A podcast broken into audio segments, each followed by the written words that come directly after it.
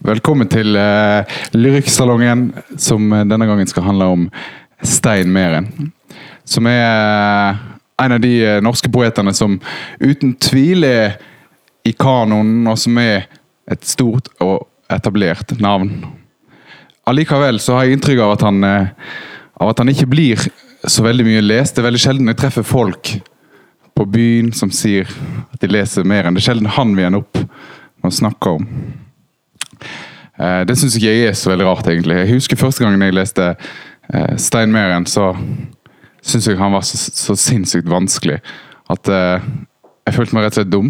Jeg, følte jeg, jeg, jeg skjønte ikke i det hele tatt hva han holdt på med. Det var på nivå langt, langt over meg, tenkte jeg. Så jeg la han vekk, ganske fort. La han vekk, tenkte dette er ikke for meg. Så har jeg lest mer, lest andre ting. Så er jo Stein Meren der. Et sånt navn jeg har hørt navnet, jeg kommer tilbake til det. Så ga jeg det en sjanse til. Og så hadde jeg den helt motsatte opplevelsen. Jeg tenkte dette er for enkelt. Det er så åpenbart hva han prøver på. Han er så tydelig hva han vil med diktene. Bildene, sånne naturbilder. Overenkelt. Det er for kjedelig, så jeg la han vekk igjen. Men så er han der hele tida. Steinmeren er et sånt navn som når han holder på i den bransjen her, hele tida så dukker han opp igjen og igjen. Steinmeren. Og så leste jeg den jevnlig, og så til slutt så, så skjønte jeg at denne her dobbeltheten her, som jeg har opplevd, det er noe som veldig mange andre har, har opplevd når de leser den. Og som kommer av at han er virkelig en outsider samtidig som han er innenfor. Eh, han er noe annet enn det som Hauge har stått for, som har fått lov å definere hvordan vi leser dikt, vi skriver dikt i Norge med å kutte vekk være korte og konkrete. Det er jo sånn å redigere diktsamlinger i Norge. En skjærer vekk mest mulig. Og så får sitte igjen med en slags essens. Et sånt rom som leseren kan åpne seg sjøl inn i. Mer enn nektig å gjøre det. Han bare kjører på og skriver lange setninger. Overforklarende bilder.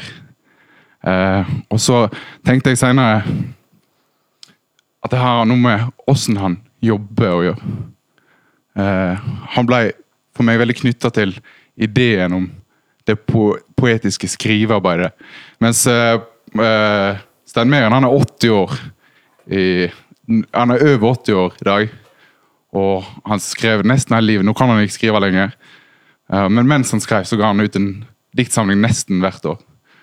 Og når jeg tenkte på det, og hvor mye tekst det er i disse diktsamlingene, så ble jeg, så, så ble jeg en litt mer tilgivende leser jeg, eh, jeg følte jeg, jeg leita etter som Etter stemmen til Stein Meren sammen med Stein Meren. At vi var to om det. At den, de ujevne diktene, de, de, de, bygde opp under de gode. At det, det er et eller annet med det arbeidet som Det er det jeg sitter igjen med. Når jeg leser, når jeg leser Stein Meren, så må jeg lese masse. Og da, da først kommer jeg inn i det. Skjønner hva han holder på med. Uh, og det håper jeg vi kan komme litt tilbake til seinere i dag. Vi skal ha eh, et foredrag om Steinmeren av Anne Mari Neple, som er eh, doktorgradsstipendiat oppe på universitetet. Eh, hun disputerer 9.12. om Torulven. Eh, og en, etterpå skal jeg snakke med henne litt om Steinmeren. Og vi har også spurt Steinmeren sjøl, han er i live, om han kunne komme hit i kveld. Men eh, eh, det visste vi allerede når vi spurte han at han er så sjuk, han har vært sjuk i mange mange år. At han uh, igjen via forlaget uh, tak, takker nei. Uh, så derfor så kan vi ikke bare la være å, å høre Stein Meren, bare for den ikke kan være å lese sjøl. Så det vi skal gjøre aller, aller først, vi skal høre Stein Meren gjennom vår egen lokale poet Åsne Hagen. Så før vi setter i gang, så kan vi gi en applaus til Anne Mari Neple og Åsne Hagne Hagen, som skal lese Steinmere for oss. Vær så god.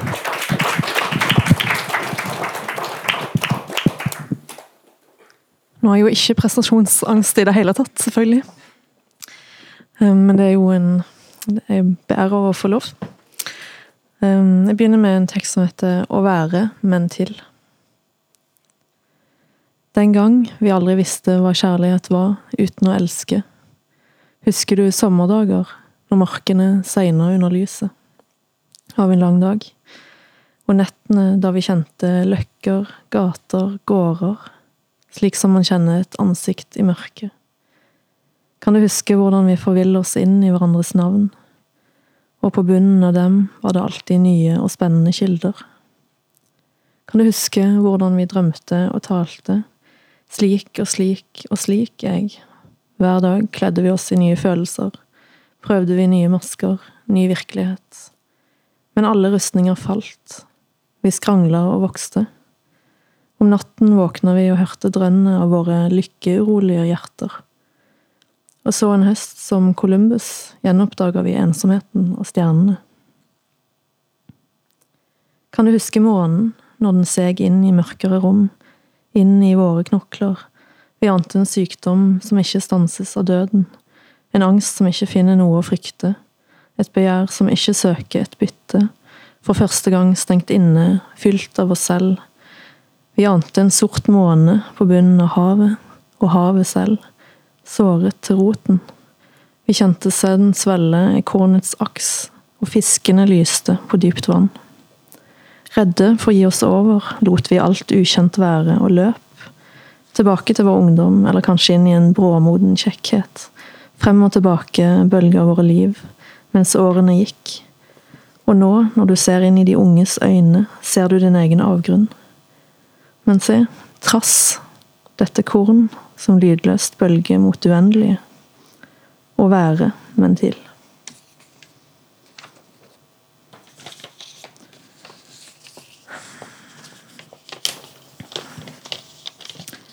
Det var en gang jeg var en liten en, sendt rundt som en slags pakkepost til slekt jeg ikke engang kjente. Jeg styrte en dag, sprang så omkring, på jakt etter et sted å glemme borti. Et sted som var mitt. Et sted som ingen i verden visste om. Et sted å gråte, drømme, lengte litt. Og slik var det stedet som fant meg. På låven, i gårdens levende ark inne i det glisne, strandede himmelskipet. Nær pusten av store dyr som stampeslo i båsene, drømt inn i jordens søvn. Her inne i varmen fra dyr og høy. Stanset jeg, sanset jeg meg selv og sovna barnlig inn. I fjorårssommerens solvindsrislende hjerte.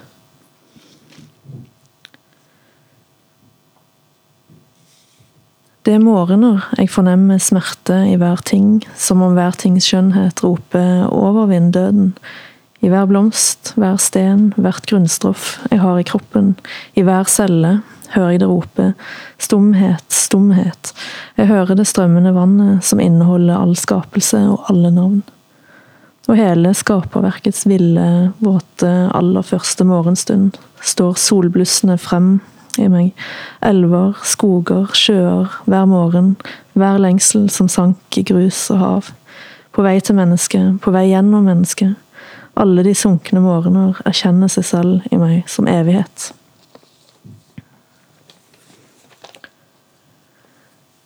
Hmm, denne heter Imago. Vi lever mot to evigheter. Kretsløpets evighet og det evige livs evighet. Disse to evigheter bærer hverandre på et ufattelig vis, og kan bare gripes gjennom liv og død. Hver og en av oss er et frø i den himmelske kjærlighets belg, og hver og en er et blad på slektens og artens og livets tre. Og alt levende har rett til skjebne og folde sitt ene øyeblikk ut. På artens tre, liksom sommerfuglen, mellom larven og døden.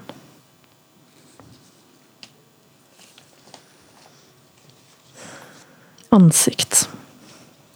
Lenge var din skjønnhet en flukt som både jager og fanger meg. Og selv fanger i disse trekk vandra dine øyne fram og tilbake som en panter mellom liljer. Så ble du min, et speil i mine hender, der vi forsiktig kom nær hverandre. Jeg elsket bare et bilde av meg selv, og du elsket heller aldri fra dypet. Men siden, bak dine trekk, i skyggen av søsken, barndom og flukt, skulle jeg se ditt ansikt reise seg, ubrukt og levende, mot meg. Og ennå, trekk for trekk, kommer du gjennom de andres bilde av deg. Oppreist og lysende fra dypet av alt som var, stiger du mot meg og blir.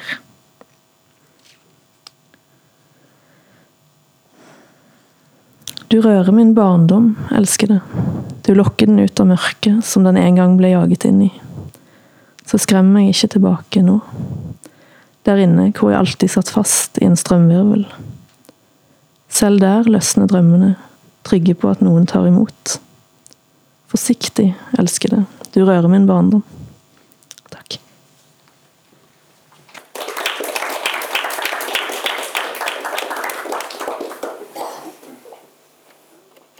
Tusen takk, Åsne.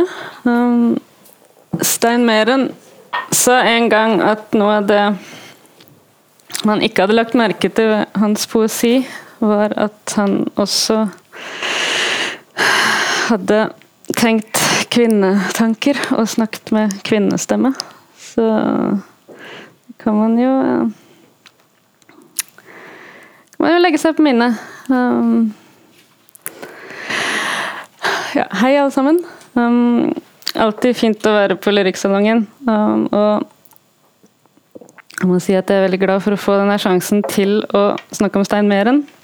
Um, som er en lyriker jeg alltid vender tilbake til, og som jeg alltid oppdager nye sider ved. Um, Fredrik fortalte jo om sin umiddelbare opplevelse ved å lese Stein Meren og tenke at Stein Meren først var utilgjengelig. Jeg må si jeg hadde den stikk motsatte opplevelsen um, da jeg begynte å lese Meren da jeg var 17. Og med en gang følte at dette her var en lyriker som talte til meg. Um, samtidig som jeg følte sin hans hadde et sånt veldig rom. Um, og nettopp det her med det store rommet hos Steinmeren var noe jeg definitivt gjenoppdaga nå i arbeidet med Lyrikksalongen. Mm. Og jeg tenker at det kan være mange grunner til å lese mer enn i dag. Uh, og jeg regner med at vi har både gamle mer enn fans og potensielt nye mer enn fans. Og målet for denne kvelden er jo nettopp at alle skal gå herfra og ha lyst til å lese minst et mer enn dikt etterpå. Uh, Stein Meren som vi ser bak meg her, er altså en av de virkelig store lyrikerne i sin generasjon. Det er alle enige om, eh, enten de er positive eller mer skeptiske til hans poetiske prosjekt. Han debuterte da han var 25 år, det var i 1960, med en samling som hadde tittelen 'Gjennom stillheten en natt'. Eh, og han har jo for så vidt prega norsk lyrikk og norsk litteraturhistorie siden den gang. Um, Meren har gitt ut over 20 uh, diktsamlinger, og flere av disse samlingene har jo nettopp status som klassikere i dag. Og Da tenker jeg f.eks. på Gobeleng Europa fra 1965, Aurora, Det niende mørke fra 1969, Mennesket bære ditt bilde frem, som kom på 70-tallet, og ikke minst Korona, formørkelsen og dens lys fra begynnelsen av 80-tallet. Og bare hør på de her titlene. altså 'Menneske bære ditt bilde frem'. Steinmeren har fantastiske titler. Og de sier jo også noe om hva slags rom som fins i denne poesien. Så vi snakker om en dikter med en veldig sånn monumental produksjon. og det vil jeg si, altså alle som lurer på hvor stor og vektig Steinmerens produksjon er, de kan bare prøve å låne mer enn samlede dikt på Bergen offentlige bibliotek og bære det hjem. Det er poesi som veier, også, i, liksom, også på gramvekta. Um, men de virkelige dimensjonene hos Meren de finner vi jo selvsagt først og fremst i det motiviske universet hans. Og det er også spennende med Meren, fordi når vi snakker Meren Univers er et um, begrep man bruker mye, men når man snakker Meren, så snakker man virkelig univers. For han skriver dikt som nettopp strekker seg ut i universet. I Merens dikt så finner vi altså, som vi hørte her, forestillinger om mennesket som befinner seg i kretsløpet på den ene siden, og evigheten på den andre siden. Dette er en av de tankene som han stadig vender tilbake til, og som han stadig utvikler.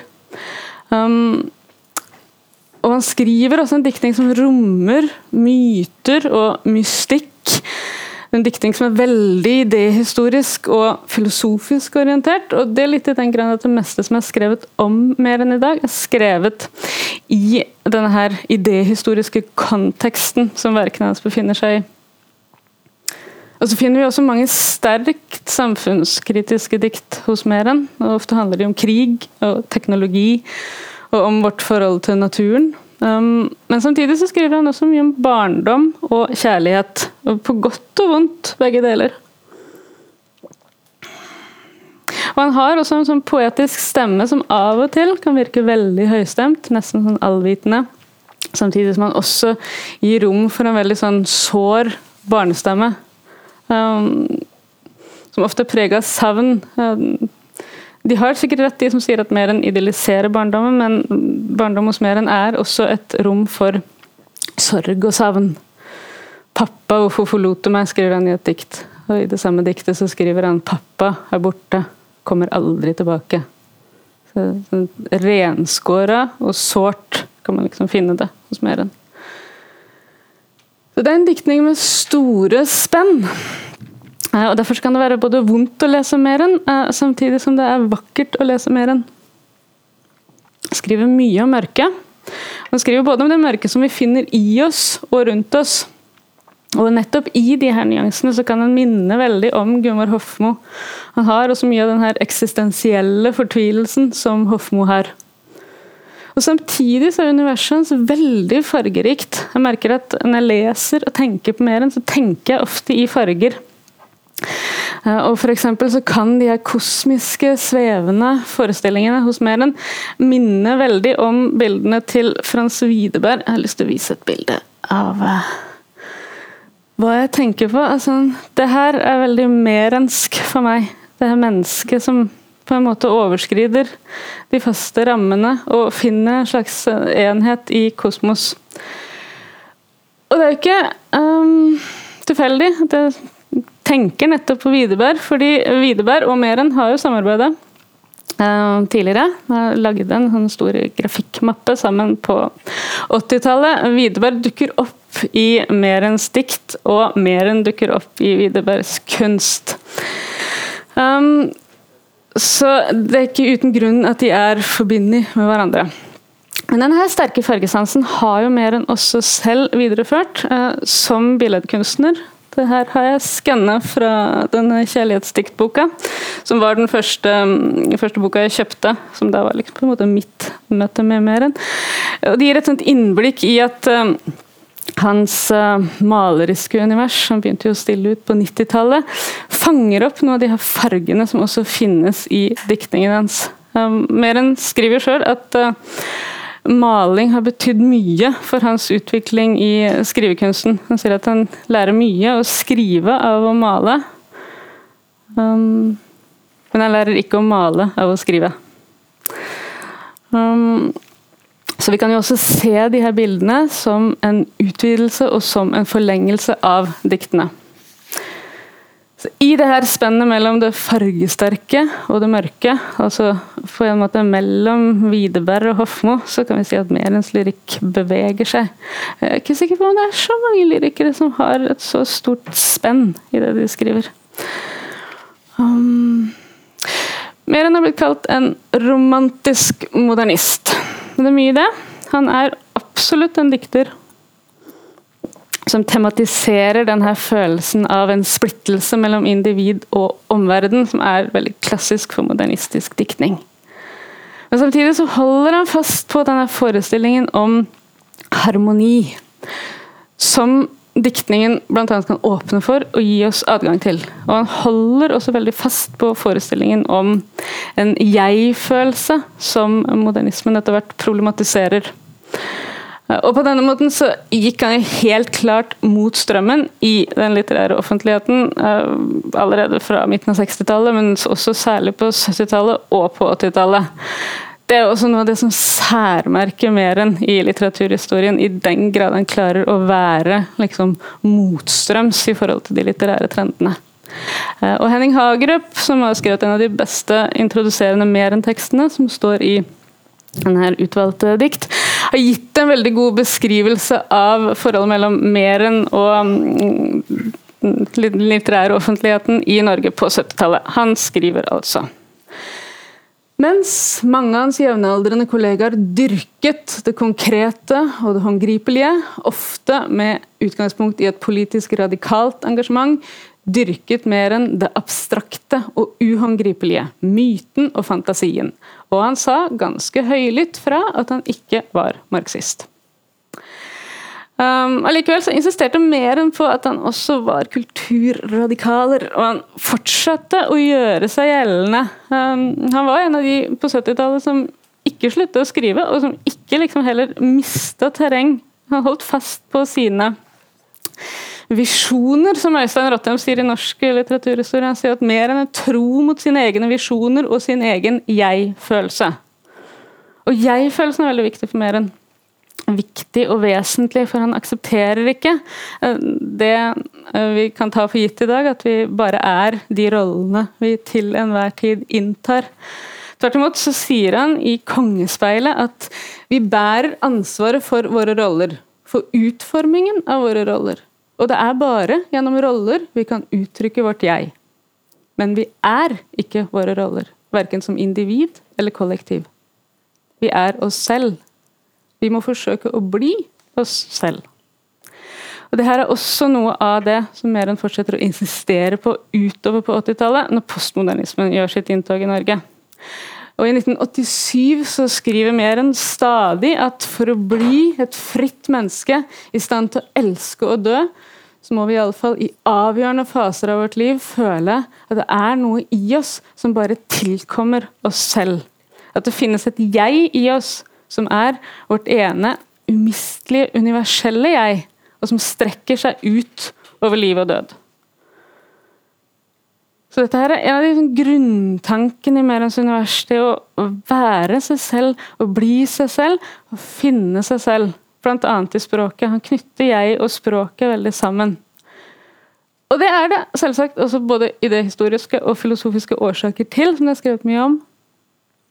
Men akkurat i forhold til Meren så er det også interessant å se at han selv skriver det inn i en selvbiografisk kontekst.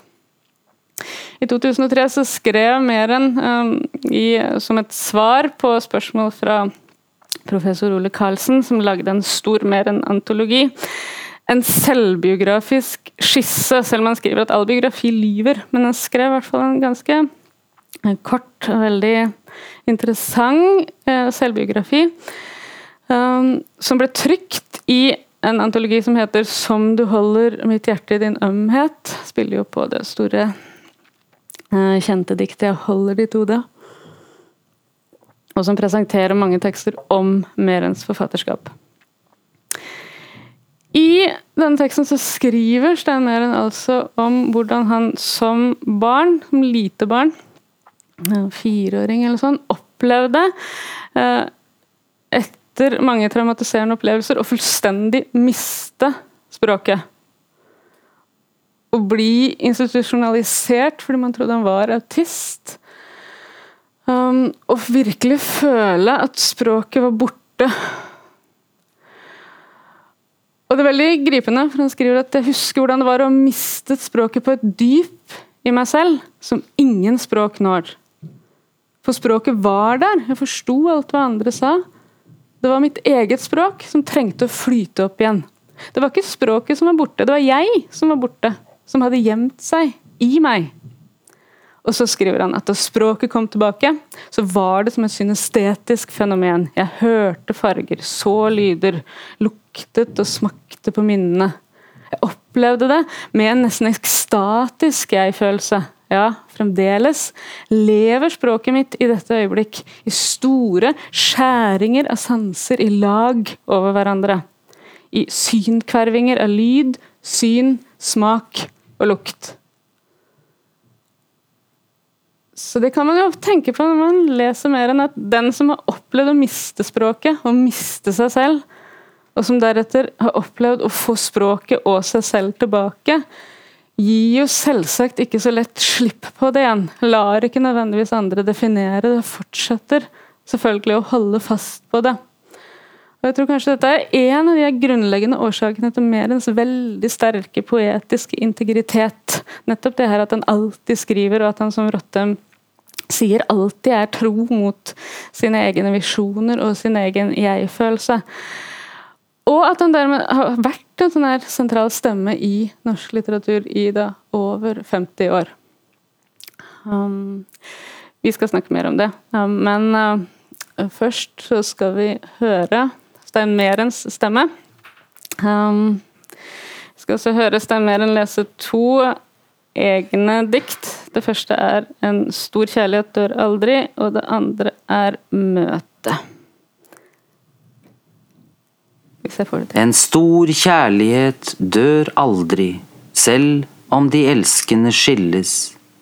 Kjærtegn som ble mottatt, springer ut, selv etter at de er glemt og deres frø er talløse. Det er frukt og løv og korn i dine kjærtegns spor, som i et landskap om høsten, dager som fylles av glansen fra mørke, flammende netter. Bestandig er kjærligheten, mer omfattende enn de elskende, og blikkets salige lys kan ha vært lenge underveis før det tente mitt. Vi kan ha vandret hvileløst gjennom slekter før vi møttes og gjenkjente hverandre. Nu vandrer din lengsel tidløst i meg. Ditt ansikt vil alltid kunne finne nye, hemmelige veier i mitt. Alltid vil jeg være underveis i dine trekk. Hemmelig oppspore stormer og stjerner, røre strenger ingen har rørt ved og se en demring selv i alders drag. Lyset i et ansikt som elsker, brer seg evinderlig utover jorden, for lyset i et ansikt som elsker, tar aldri slutt. Det er underveis, alltid underveis, i nye mennesker, i nye elskende, tidløst, i all tid.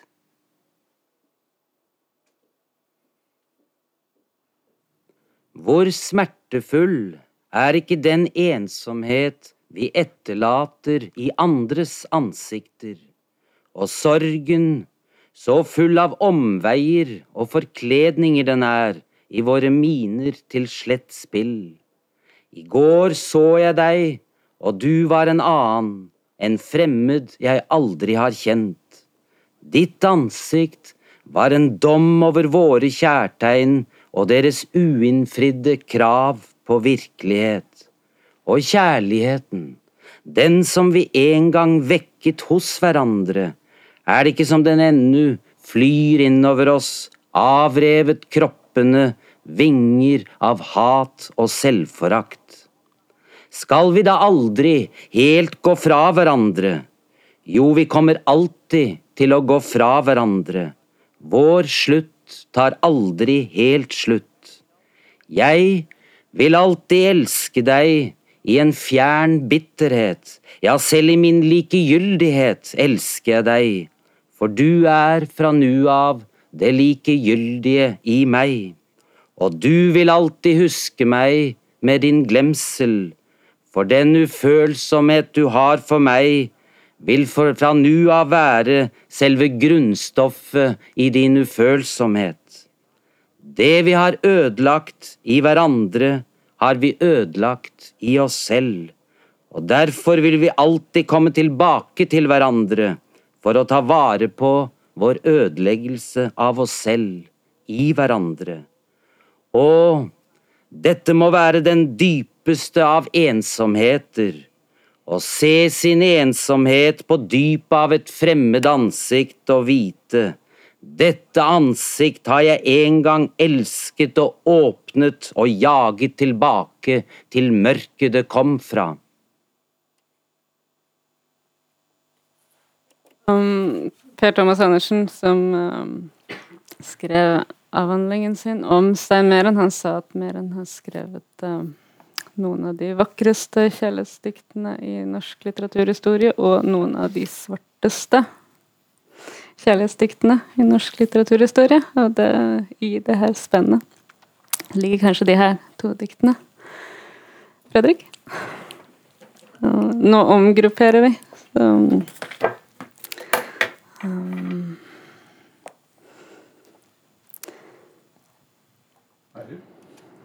Jeg har lyd. Jeg syns jo det diktet her er typisk for den utfordringen som jeg har med mer enn det, det, er ting i det som er så sinnssykt fine, rett og slett. Men så er det et sånt språk som er litt sånn traust og gammelt. Og så er det så mange ord, og så er han så fram og tilbake. Og så, og så føler jeg ah, Stein Meren, jeg har skjønt det. Jeg har skjønt det, Stein.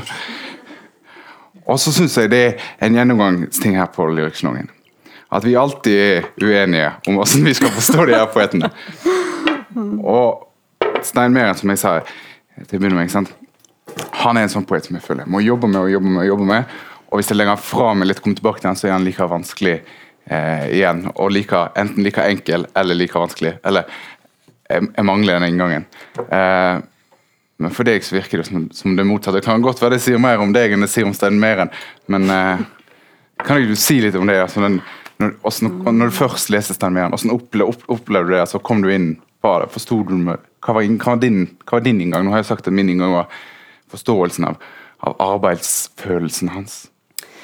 Ja. Um, min inngang til Meren var at jeg kjøpte Stein Merens kjærlighetsdikt uh, i den norske lyrikklubben, som jeg da nettopp hadde meldt meg inn i. Uh, da var jeg 17 år og gikk på St. Halvard videregående. Det er noe med lyrikksalongen som alltid tar meg tilbake til videregående.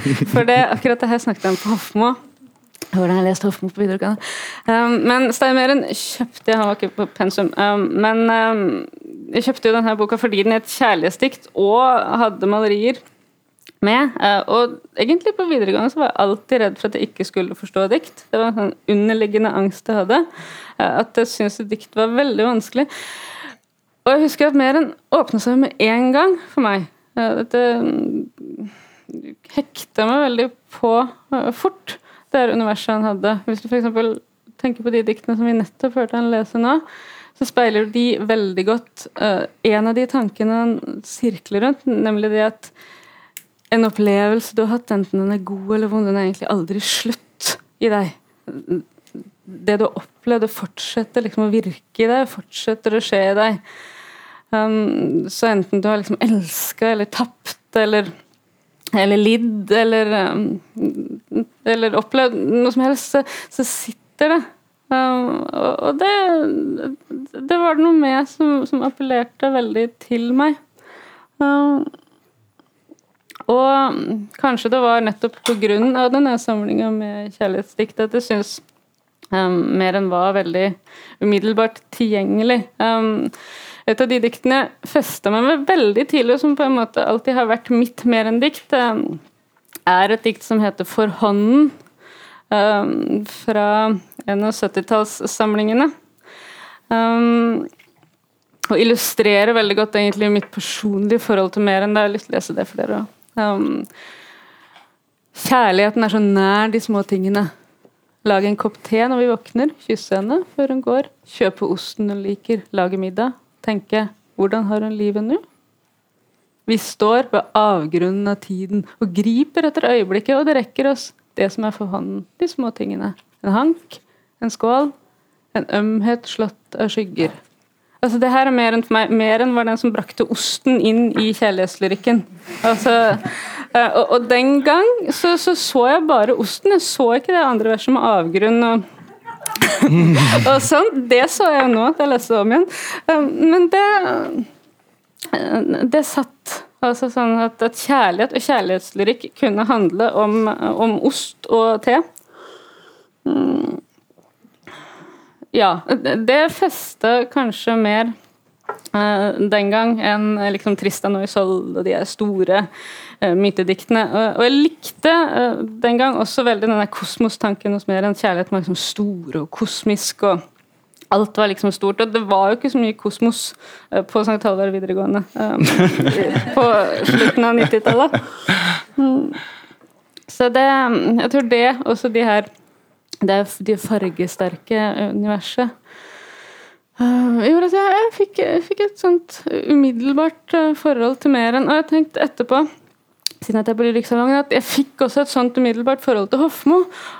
Og nå, som jeg har lest eh, Jeg leste Hofmo til Rikssalongen i fjor, og mer enn i år, så ser jeg også at egentlig mer enn Hofmo minner ganske mye om hverandre. At det var kanskje en sjattering jeg ikke så den gangen. Så mm, Jeg husker jo de tingene som jeg, jeg syns var enormt eh, kloke på, på, eh, på, på videregående. ikke sant? Nietzsche og Poe og det, det, har det, har jo, ikke holdt seg, på en måte. Og, jeg, og det, har, du har ikke hatt en sånn opplevelse. altså Det er jo litt mitt problem med noe av det som Stedmeren holder på med. At, at jeg syns det blir litt, litt for enkelt. Uh, og Ofte er det jo de tingene som tiltaler deg når du går på gymnaset, at det, det, er litt enkle, middelbare ting. Men, men har altså disse kjærlighetsdiktene, syns du de holder seg som, som, bilder og som dikt uh, i dag? Ja, jeg altså, synes for, de vokser. for din del? Jeg må si jeg syns de vokser. Jeg ser sånn som, sånn som i, ja, i, i i 98 så så jeg ost, og nå ser jeg avgrunn, så det er sånn Ost og avgrunn. Det, det her fortsetter å gi, på en måte. Pluss at jeg nå selvfølgelig når jeg leser f.eks. Kjærlighetsdiktsamlingen, ser andre type ting, andre type dikt um, med, eh, altså i samlingen. At f.eks. sånn som Tristan og Isolde kan gi meg en stor uh, stor opplevelse nå, og kanskje var fjernere. På, sånn. Jeg, jeg vet ikke, Nei, jeg syns ikke mer enn Jeg syns mer enn vinner seg. Um, definitivt. Mm. Selv om jeg ser at han er mye Han har mye mørkere sjatteringer enn det jeg så da. Ja, Og det er spennende, fordi For- det betyr liksom at som, når jeg som leser vokser, så vokser også uh, vokser også mer enn um, Han er jo uh, Han er jo kanskje mest kjent som nettopp kjærlighetsdikter. Eh, dette- kanskje skal vi lese 'Jeg holder ditt hode', som er det hans aller, aller, aller mest kjente dikt. Som sier litt om, om hvem han er som kjærlighetsdikter, kanskje. kan, Eh, Skal jeg gjøre et forsøk? på det. Nå har ikke jeg har ikke jeg øvd på forhånd her, så det blir på sparket, men På disk, selvfølgelig. Jeg holder ditt hode i mine hender, som du holder mitt hjerte i din ømhet, sånn allting holder og blir holdt av noe annet enn seg sjøl. Sånn havet løfter en stein til sine strender. Sånn treet holder høstens modne frukter. Sånn kloden løftes gjennom kloders rom.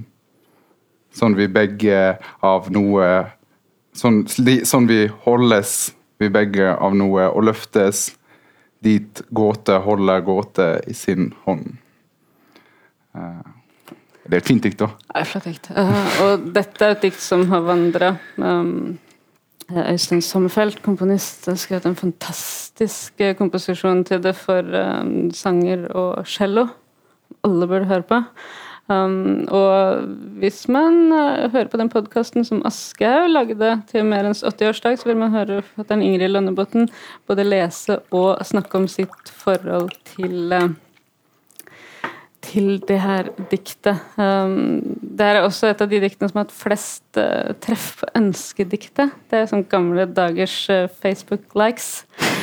Eller sånn lyrikkens, lyrikkens svar på likes. Um, jeg vet ikke som veldig mange har et forhold til. Og jeg tror også det er, var et av de første mer enn diktene jeg møtte. Det er, sånn, det er nettopp Det begynner i det konkrete og ender liksom i det kosmiske. Det er sånn, Mm. dette er jo nettopp denne Widerberg- Widerberg-følelsen jeg snakker om. Sånn kloden, kloden holder å bli holdt. Sant? Um, og det er både stort og håndgripelig. Um, det er vel kanskje noe som man har begynt å oppdage med mer enn de seinere åra, er at Meren også har veldig sans for det konkrete og håndgripelige, selv om det er liksom opplest og vedtatt at han er en sånn metafysiker. Han, det er det det mener han er liksom Han er alt. Han har en stor produksjon, veldig stort motivisk univers, og han klarer liksom uh, Hode og klode og ost og avgrunn og sånn De her store forbindelsene. Um, Ja, Åssen syns du det var? Altså, han, den Kjærlighetsdiktene til Meren er på en måte en opplagt inngang, men for meg så åpner han seg jo virkelig når han går inn videre i, i, i, i de andre eh, tematikkene hans. Hva, tenk, hva, tenkte du når du liksom gikk forbi den kjærlighetsboka? og, og Var han fremdeles like tilgjengelig, eller var, syns, du han er, syns du han er like god på de andre temaene? Eller er det på en måte kjærlighet som er mer ens eh, eh, tema? Kjærlighet er jo det alle er enige om at mer enn gjør best, og det tror jeg er fordi kjærlighet er det ikke sånn Man krangler ikke så mye om kjærlighet som man kanskje krangler om uh, lange dikt mot korte dikt i norsk litteraturhistorie. altså sånn uh, Man kan jo krangle mye om sitt forhold til kosmos, um, men det er ikke så mange som krangler om kjærlighet. Sånn at uh, det er veldig vanlig når man snakker om mer enn at alle sier sånn om kjærlighetsdiktene, altså de er Mm. Uh, jeg syns han skriver fantastiske barndomsdikt, som jeg si. Um, et av de diktene. Og når vi har valgt ut dikt i kveld, så har vi nettopp uh, lagt vekt på å uh, hente frem noe av det store spennet hos Meren. og et annet dikt som gjorde veldig inntrykk på meg når jeg var student, var jo det her diktet som vi skal høre etterpå, som heter 'Døde foreldre'. som også plukker opp den her um, Um, følelsen av at ting aldri slutter å skje i deg. Altså, mm. døde foreldre slutter aldri å dø, som er en. Uh, og selv om begge mine foreldre lever, så husker jeg det grep veldig Og griper fortsatt uh, denne tanken. Veldig forståelig, veldig sånn, klart uttrykt, og veldig sånn nærværende. Um, sånn når jeg leste mer enn nå, um, før jeg skulle hit, så så jeg jo veldig f.eks. de teknologikritiske diktene hans, um, krigsdiktene hans, altså samfunnskritikken. Uh, alt det som man kan være liksom oppi nå. Så det, jeg føler at uh, mer enn er en dikter som man bør lese gradvis og over tid, og så vil man alltid finne nye ting. Det vil alltid være nye dikt som på en måte står ut. Uh, og for eksempel de her teknologikritiske diktene som er skrevet på 80-tallet, som på en måte er skrevet i en teknologisk kontekst som virker veldig nostalgisk nå, virker fortsatt veldig uh, relevante. Han skriver mye om det her å sitte foran skjermen og savne nærhet, f.eks. Han skriver om den der avmakten med å se en krig på TV og ikke, altså, ikke kunne gjøre noe med det. Han griper inn i sånne typer følelser som alle kan kjenne seg igjen i. Um, så det er kanskje Og det kan jo ha noe med mitt temperament at det er ofte de tingene jeg ser hos Meren. Jeg liker den kosmostanken, men mm. det er kanskje ikke um, Jeg, jeg syns jo den selvfølgelig også er fin. Um, mm, og Samtidig som kosmos er absolutt et sted, så er jo veldig sånn tydelig jeg eh, som har blitt diskutert en del, det jeget til Stein Meren, som, som, kan skifte i løpet av et dikt, men det er, det er tydelig det er et jeg der da, som, som, er et, som, er et, annet jeg når han er en ung mann på 60-tallet, enn når han er en, en gammel sjuk mann på 2000-tallet. Eh, føler du det, ble jeg alltid, da. Men jeg føler han, han frister meg til en biografisk eh, lesning. Eh, hva tenker du om det? Er det det her krangler vi ofte om. Fredrik jeg krangler om biografisk kontra filosofisk kontekst hver gang vi er på Lyrikksalongen. Eh, akkurat i forhold til Stein Meren så frister han meg litt òg, fordi eh, veldig mye av det som er skrevet om Meren, er eh, nettopp filosofisk idehistorisk orientert. Og det er veldig flott at man har belyst den store filosofiske tanken rundt Meren. Men siden han på en måte sjøl skriver selvbiografien sin så klart inn i Oi, der skjedde det. Ja. Det går greit. Hva er det Stein sier eh? Altså, datamaskiner fins. Ja, Vi må bare det er datamaskin, Datamaskiner fins. Um, Henning Hagerup skrev i en kommentar til Steinmeens teknologikritikk at uh, det er ikke noe galt med teknologi, bare vi, bare vi, husker at det er hjelpemidler og ikke nye forståelsesformer. Og så tenkte jeg da jeg leste det nå, haha, bare hopp 17 år fram i tid, så, så kan vi jo snakke om det. Um, men uh, nå nå må jeg komme tilbake til det sporet. Altså Han har jo en helt rå biografi. Ja. ja altså det, det, det, er jo et liv. Han har en dramatisk biografi. Um, det, det, er dramatikk over hele linja. Veldig sår uh, biografi. Det, det, er tapserfaringer, det er sykdom, det er samlivsbrudd. Um, og sånn som det er diktet som Åsne leste før, hvor han snakker om i barndommen og ønske å finne et sted som bare er sitt eget, blir spennende i forhold til det her nettopp forholdet mellom uh, den, en sår biografi og en voldsom kraft som både dikter og kunstner. At nettopp uh, sånn som den her låven i det barndomsdiktet blir et sted. Det var stedet som fant meg, står det. Så er det akkurat som diktningen uh, og kunsten blir sånne steder hvor man kan skape seg selv, skape seg om, holde seg fast, finne kraft der kraft ikke er i de fysiske omgivelsene. Han har beskrevet sykdom som å være, leve i en ubåt. Han har vært syk siden 60-tallet, så man kan få sette den her uh, veldig klaustrofobiske metaforen opp mot det veldig rom man skaper seg som lyriker. For en veldig kraft. Uh, og det er jo noe som kjennetegner veldig mange uh, forfattere. at at nettopp diktningen blir uh, både en måte å holde seg fast på, og en måte å holde ut på. Um. Mm. Uh, vi, må jo, vi, må jo, snakke litt om uh, Stein plass i den norske litteraturoffentligheten. for kanskje spesielt profilkretsen med Jan Erik Vold i spissen. Ha, har, jo, har, jo, klart å, å, å skape og selge en, en, en narrativ av, av norsk diktning der Eh, Stein Meren er nesten en sånn skurk i, i den fortellingen. Men han er i hvert fall ikke med. Altså Jan Erik Vold sier jo at han, han skulle ønske, ønske, seg en mer asiatisk eh, Stein Meren. Altså en, en, knappere, mer redigert eh, Stein Meren. Kan du si noe om, om hans eh, forhold til f.eks. Hauge og profilkretsen, og, og, og den konkrete diktningen som han uh, ufrivillig kanskje har blitt satt opp som et uh, mot, motstykke mot. da. Ja, uh, Jan Erik Vold ønska seg en, en, mer østlig, strammere inspirert Steinmeier enn på 70-tallet.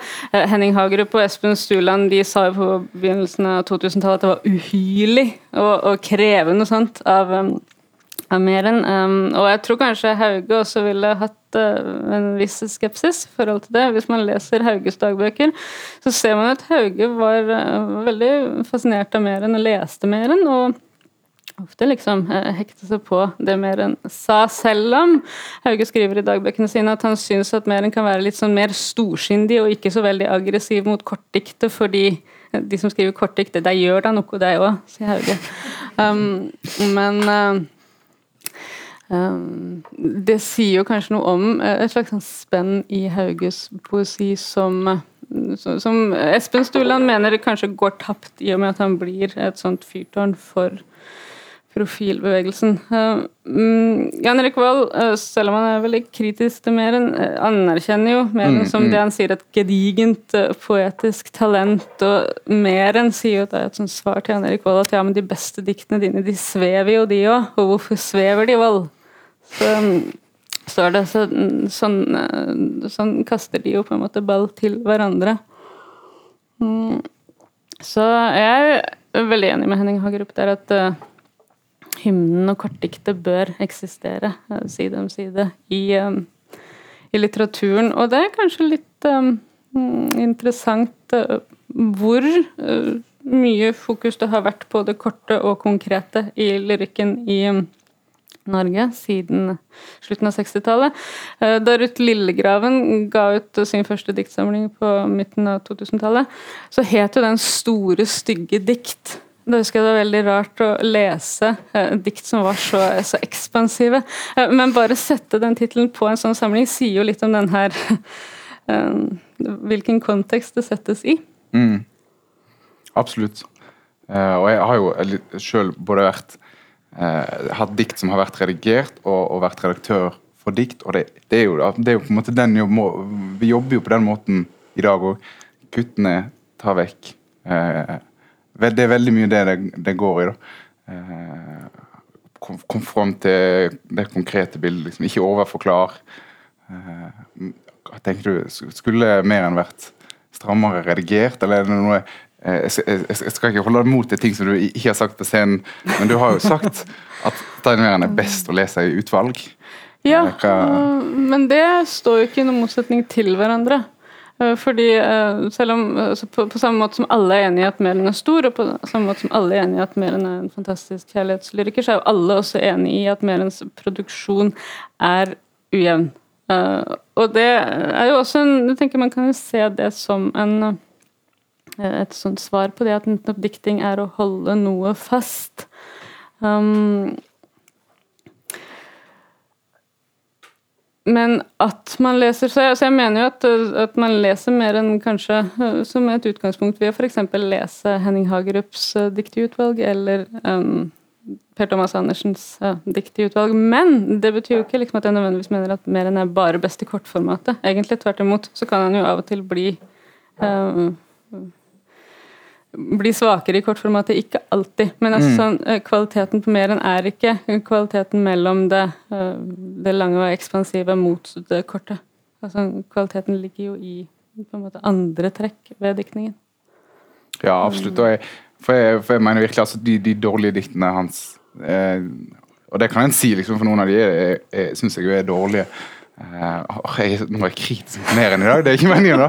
du er ikke... sånn, sånn kontra mer enn ja, sånn bad, bad, bad cop.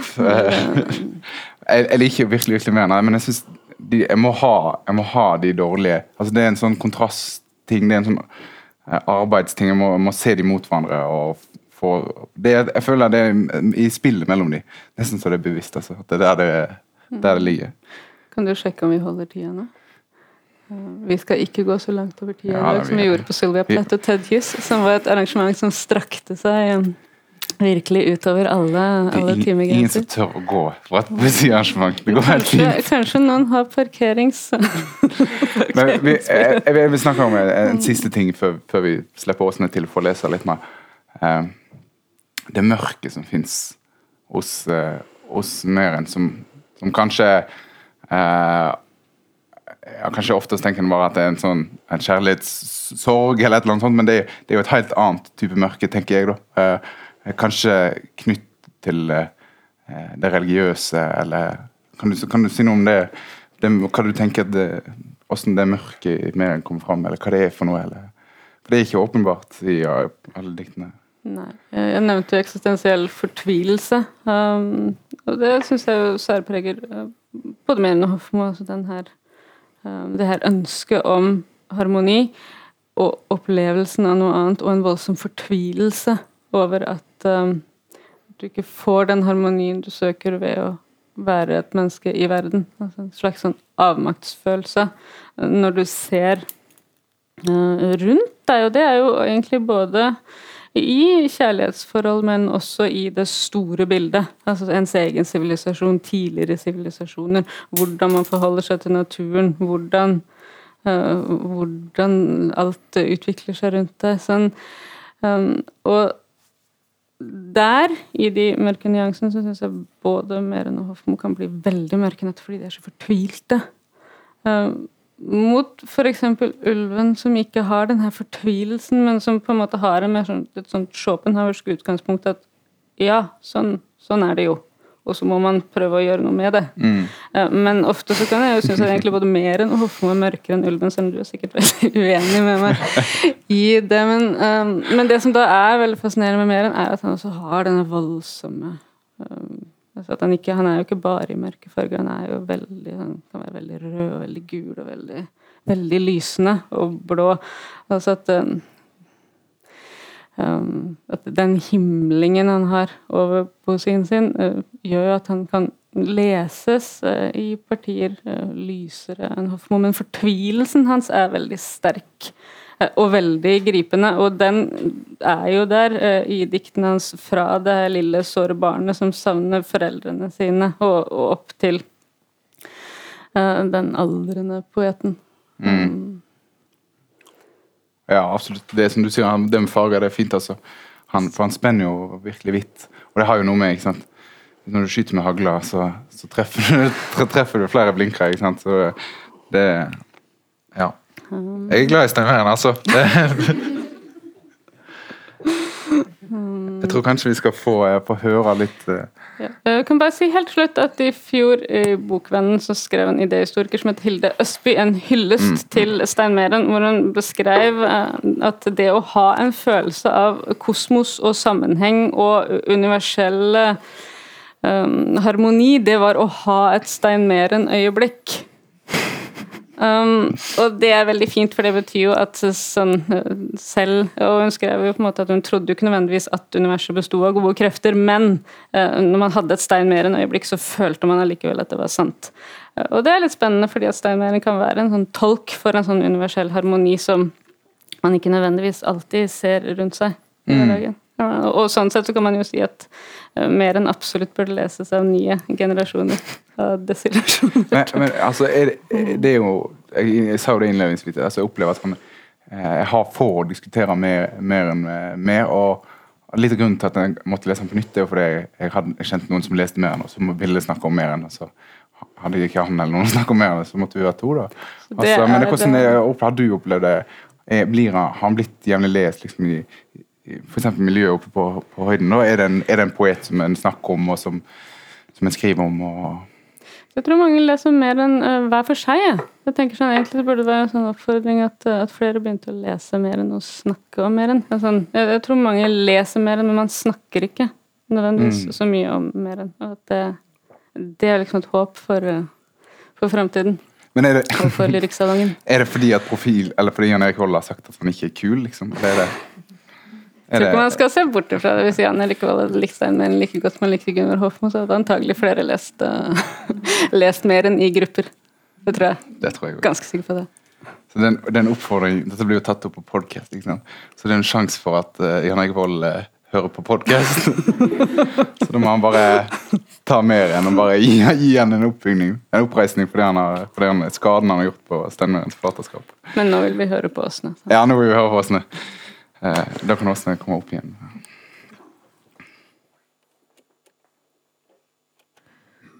Elsker det, hva tenker du på? Ingenting, eller på deg, svarer jeg. Jeg tenker på kjærlighetens ensomhet, men det sier jeg ikke. Jeg tenker på den ensomhet som vi drar med oss gjennom favntakene. Jeg tenker på at det gjør vondt å elske, men det sier jeg ikke. En stor kjærlighet som dør, og tidevannet når det synker, eller et elveleie som er regulert og tomt for vann. Det tenker jeg på, men det sier jeg ikke. Hvis du forlater meg nå, da forlater jeg deg aldri. Men det tenker jeg på. Jeg har det så vondt midt i vår kjærlighet.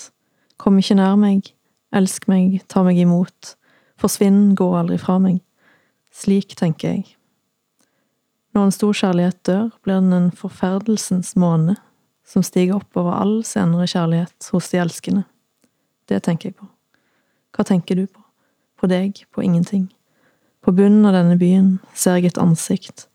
Blindt, skjelvende, slått av vill ensomhet. Sorg.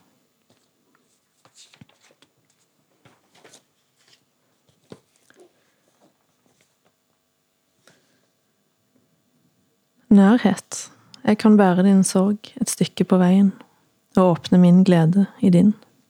Men jeg kan ikke leve ditt liv, eller dø din død.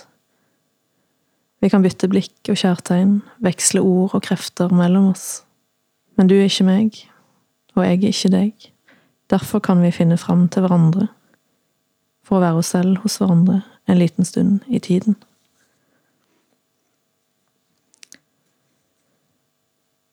Plutselig himmel. Det er før språket, nesten liv, nesten død. Det er kveld, det er natt, midt på dagen. Eller gater, neon, butikker, mennesker, lys. Myldrende bilder, blikket aldri fastholdt. Speil som gjennomstrømmer speil. Bilder blander seg med bilders bilder av bilder. Skrur oss til ting atter ting som bare er bilder av noe vi har glemt. Minner som hva vi prøver å huske fordi vi har glemt hvorfor. Det som er at det er, forblir i alt. Presser hus gatene sammen? Er det jeg som svaier, eller husene? Jeg går gjennom gater og hurtig puls, alle minnes kollasjer. Trafikk, kaos, infarkter. Vi møtes og prater, byllene sprekker, tømmer seg, væskene sår. Fjernt fra hverandre, gnisser vi mot hverandre, krysser hverandre som tanker i en feber. Vi løper eller vi står stille. Gatene ruller, ruller forbi, alltid videre ruller byen. Det minner oss om hvor hen, aldri om hvorfor. Det er byen som torner gjennom seg selv. Blod og knoklers trafikk, stopplys av angst. Kommer vi mot hverandre, hvorfor aldri nærmere? Går vi gjennom hverandre, roper jeg, hvem der? Jeg forsøker å nå deg, rekker deg aldri. Hør, hører du meg? Jeg er stadig underveis til deg, som bevegelse, lengsel, bilder aldri fastholdt, overskridelser uten mål. Noe frossent smelter i oss, kleber seg til huden. Er det ømhet? Trafikken suger seg med, oss med seg, ned til sentrum. Der torg og plasser brenner gatene på bål av plutselig himmel.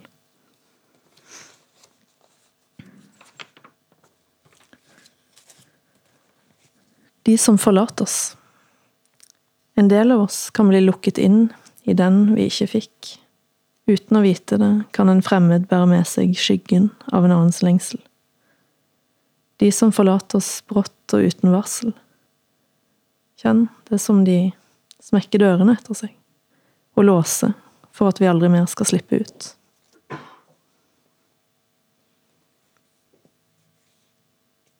Døde foreldre, de holder alltid på med å dø. De dør og dør og dør i oss. Vi må hele tiden trøste de og være alt de har mistet, savnet og lengtet. De graver sine horisonter inn i oss, og graver en grav av forventninger ut i oss. I alt de ikke fikk levd, ber de oss om å leve for de. De kommer tilbake for å stelle sine sår i oss. Hver dag folder jeg mitt savn rundt de, holder de, trøster de, vugger de. Foreldre slutter aldri å dø i oss. Så avslutter jeg med Den usynlige regnbuen, Siv. Disse ordene som skriver meg, mens jeg skriver dem, er åpne fragmenter av et dikt som løper gjennom alt jeg skriver. En understrøm under de enkelte diktenes dagbrudd og oppkomme, et dikt som skal videre gjennom ørkenstrøk og tele i mitt liv. Er det ikke virkelig nok? Jeg kjenner ingen annen virkelighet. Er det noen som har en annen virkelighet enn sammenhengen av de virkelige øyeblikkene i sine liv og sin erkjennelse? For noen øyeblikk er mer viktige enn andre. Akkurat som noen språklige uttrykk er mer gyldige, viktigere enn andre. Slike øyeblikk er som dikt. Dikt er slike øyeblikk. Våre liv bygges av slike øyeblikk. Opplevelsen av en syrinkvist en vårkveld kan være like viktig som et viktig moralsk valg. Og poesien er ikke en ferniss over virkeligheten og dens konkrete materie og realiteter. Poesien er øyeblikk revet ut av strømmen, det gjelder å huske alt som betyr noe, for ikke å overveldes av livets konstante bombardementer av hendelser og realiteter, og dermed bli bitter, kynisk, desillusjonert, livstrett, likegyldig, og til slutt ond.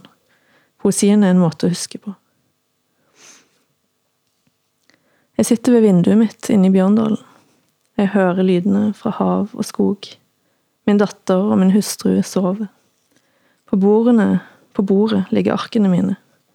Noen stener, fossiler, planter, skjell, rekvedstykker, noen bilder og plansjer, tekoppen, rekvisitter, verktøy, påminnelser. Ikke noe mer enn det. Ingenting blir mer virkelig av at du kan banke i det. Ja, men verden med dens realiteter ideologier, grupperinger, meninger, fordommer, og andre uoverkommelige nødvendigheter som krever at du velger side. Det er vel virkelighet. Nød, sult, krig, katastrofer, savn, sykdom, smerte. Det er vel selve virkeligheten. Nei, ting blir ikke mer virkelige av å gjøre vondt, gjøre inntrykk, være påtagelige, uunngåelige. Det er bare materiale, råstoff, biter til en uskapt mosaikk. Det er første gang jeg orker å sitte oppe utover natten for å arbeide. Jeg har vært meget syk og hadde bare noen måneder igjen å leve. For annen gang i mitt liv er jeg blitt ført forbi en av dødens brennende porter. Og først mens livet mitt holdt på å rase ut. Og siden, da jeg langsomt kom til meg selv igjen. Kjente hvordan det var noen få viktige øyeblikk som jeg holdt fast i, og som også holdt fast i meg. erindring, øyeblikk, sammenheng, erkjennelse. En våkenhet forbundet med alt, men også ensom i alt. Dette skal jeg huske. Diktet som løper gjennom livet mitt. Det er det virkelige.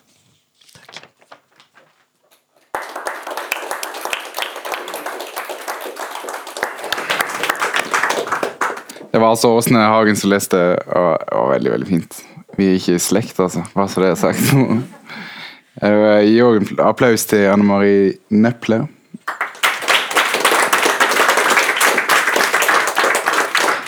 Du kommer tilbake til Rikslangen? Rikssalongen eh, på toårsjubileet i februar, eh, som vi allerede har begynt å planlegge. Og vi kan jo bare, uten å røpe for mye, si at vi har et veldig spennende navn Ja. på plakaten. Ja, så det er bare å bare begynne å glede seg. Åh, ja. ja, det blir fint. Det, blir- åh, det blir så fint. Åh, det blir bra. Lyrikksalongen er tilbake neste uh, måned, 27. oktober. Da er det debutantkveld med Ingvild Lothe, uh, Maiken uh, Bolseth Horne og uh, Katarine Bjørnevåg. Eh, Da skal vi snakke om Ja, husker alt sammen? da skal vi snakke om eh, den nye poesien som kommer. Er det Fins en bevegelse? Sitter vi bare og skriver for oss sjøl? Hva betyr det egentlig å debutere? Det er altså neste gang. Enn så lenge så siterer jeg Stein Meren, som vi hørte. Vår slutt tar aldri helt slutt.